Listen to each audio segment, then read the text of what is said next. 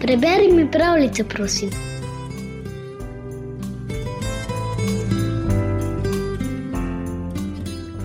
Ko je cesar izvedel, kaj je usojeno novorojenemu dečku, ga je ukazal vreči v reko.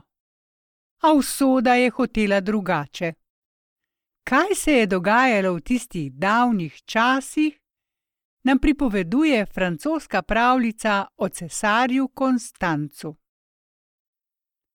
Nekoč je živel v mestu Bizancu poganski cesar, ki je bil poučen v zvezdoznanstvu in je poznal tek planetov in meseca.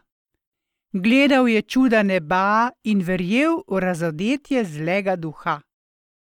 Ta cesar, ki mu je bilo ime Moslin, je hodil nekoč po noči pri svetli mesečini z nekim vitezom, nespoznan po mestnih ulicah. Tedaj je slišal, kako je v hiši, ko sta stopala mimo, krščanska žena upila v porodnih bolečinah.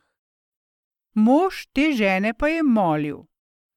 Zdaj je molil, da bi rodila, zdaj spet, da bi ne rodila. Nad tem se je cesar začudil in rekel možu: Povej mi, vendar ti lopov, zakaj prosiš svojega Boga, zdaj naj da tvoji ženi roditi, zdaj spet naj bi ne rodila?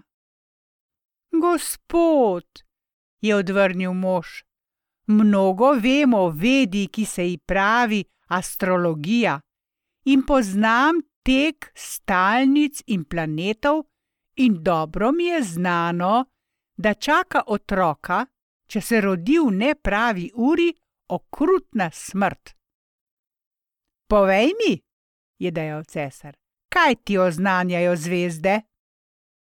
Vedite, gospod, da bo ta novorojeni deček nekoč vzel za ženo cesarjevo hčer, ki je pred tednom dni zagledala luč sveta in da bo postal cesar in gospodar tega mesta in vsega sveta. Cesar je šel na to dalje s svojim vitezom, ukazal mu je pa, naj dete na skrivaj vzame, da ne bo nihče opazil. Vitez je stopil v hišo, kjer sta dve ženski pravkar stregli otročnici, medtem ko je ležalo dete v prtič zavito na stolu. Vitez je prijel dete, ga položil v skledo in ga prinesel cesarju, ne da bi ga bil kdo opazil. Tedaj je rekel cesar: Vrzite ga v morje, zakaj sovražim ga nad vse? Vitez je zavil dete v svileno odejo in ga odnesel k morju. Ko pa je stal na obali, se mu je dete zasmililo in sklenil je, da ga ne bo utopil. Pustil ga je torej zavitega na gnojišču pred samostanskimi vrati, kjer so menihi pravkar peli jutranjo mašo. Ko so končali opravilo, so našli jokajoče dete in ga odnesli k opatu. Ta je videl, da je dete lep deček in sklenil, da ga bo vzredil. Opat je dal dete do Ilji in deček je odrasel in se razvil lepotca. S sedmimi leti ga je poslal opat v šolo in kmalo je prekosil svoje tovariše v mrljivosti in vednosti. Opat je opažal, kako zastavno deček zori, zato ga je jemal na vseh potovanjih s seboj. Nekoč se je zgodilo, da je imel opat uraden pomenek s cesarjem, ki je pravkar bival na gradu izven mesta. Opat je odšel s kaplani, hlapčiči in spremstvom k njemu, in vmes je bil tudi Konstanc. Tako ime so dečku dali opati. Medtem ko se je opat pogovarjal s cesarjem, mu je moral mladenič držati klobuk. Cesar je opazoval mladeniča in videl, da je lep, kakor lepšega nikoli dotlej še ni videl. Vprašal je opata, odkot je fant, in opat mu je povedal, da so ga našli menihi pred petnajstimi leti na gnojišču. Ko je cesar to zaslišal, je vedel, da ima pred seboj mladeniča, ki ga je nekoč dal utopiti. Prosil je opata, naj mu fanta prepusti. Opat je odgovoril, da mora vprašati najprej samostance za svet, potem da ga lahko dobi. Menihi so svetovali, naj dečka le brž pošlje cesarju, da se ne ujezi. V kratkem so ga torej izročili cesarju, in ta ga je sprejel vs razkačen, češ, tak pritepen potepuh naj bi vzel njegovo hčer za ženo. V srcu pa je premišljal, kako bi ga zvijačo spravil sveta, ne da bi ljudje za to zvedeli. Cesar je imel tiste čase opraviti ob mejah svoje dežele. Vzel je Konstanca s seboj in ko sta prišla na domenjeni kraj, je pisal takšno le pismo poveljniku Bizanca. Jaz, cesar Bizanca in gospodar Grčije, dajem na znanje, da tisti, ki namesto mene varuje kraljestvo, brško mu to pismo pride pred oči, prinašalca umori, če mu je le življenje ljubo. To je bilo brati v pismu, ki ga je moral Konstanc nesti v Bizanc. Fant še slutil ni, da pojde v smrt. Vzel je torej zapečateno pismo, se odpravil na pot in dospel v štirinajstih dneh v prestolnico. Ko je jahal skozi mestna vrata, je bilo pravkar povdne in domislil se je, da bi s pismom počakal, dokler poveljnik ne pojužina. In ker je bilo ravno v kresnem času in je pritiskala vročina, je stopil na vrt, pustil konja, da se je pasel sam pa legel v senco pod drevo in kmalu zadremal. Zgodilo se je pa, da je lepa cesarjeva hči, ko je vstala od južine, s služabnicami prišla na vrt in se začela loviti, kakor se dekleta včasih rada zabavajo. Pri tem je zašla do drevesa, pod katerim je spal Konstanc, lica so mu žarela kakor škrlat. Ko ga je mladenka zagledala, ni mogla obrniti oči od njega, in zdelo se ji je, da še nikoli ni videla tako lepega fanta. Potem je poklicala svojo zaupnico in velela ostalim naj vrt zapusti. Lepa cesarjeva hči je prijela prijateljico za roko in jo odpeljala na kraj, kjer je spal mladenič. Glej, je rekla, to je najlepši mladenič, kar sem jih kdaj videla, in pismo nosi. Prav rada bi vedela, kaj v njem piše.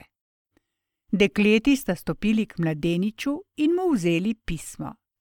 Cesarjeva hči ga je pri priči odprla. Ko ga je prebrala, se je spustila v jok in rekla: To so žalostne reči. Tudi, ko bi vedela, da znaš molčati, bi žalostno novico spremenila v veselo. Prijateljica ji je morala priseči, da ne bo ničesar izklepetala, na to je vzela cesarjeva hči pergament, ki je bil van vtisnen cesarjev pečat, in napisala takole: Jaz, kralj Moslin, cesar Grčije in gospodar mesta Bizanca. Pozdravljam mestnega poveljnika. Velevam vam, da ne mudoma daste donašalcu tega pisma, po naši šegi, mojo lepo hčer za ženo.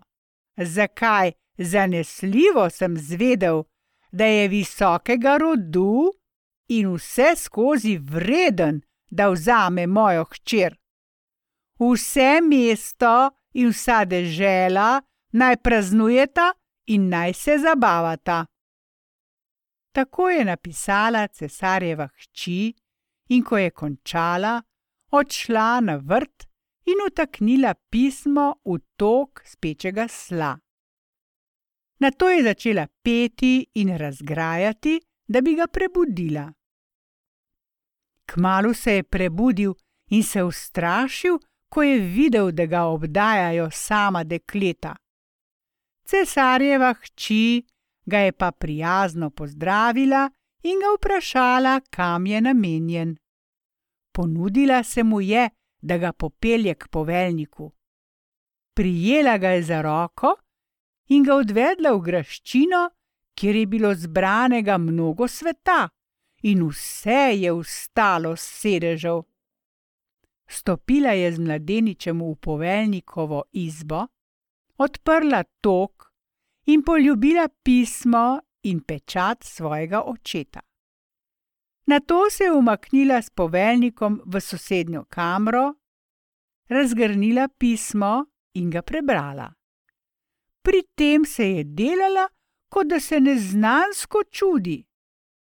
Gospodarica, je rekel grof, izpolniti moramo voljo vašega žlahtnega očeta, sicer se mu bomo neznansko zamerili. Aha, je odvrnilo dekle, kako naj se poročim, če očeta ni zraven, to bi bilo vendar čudno in mi ni prav nič všeč.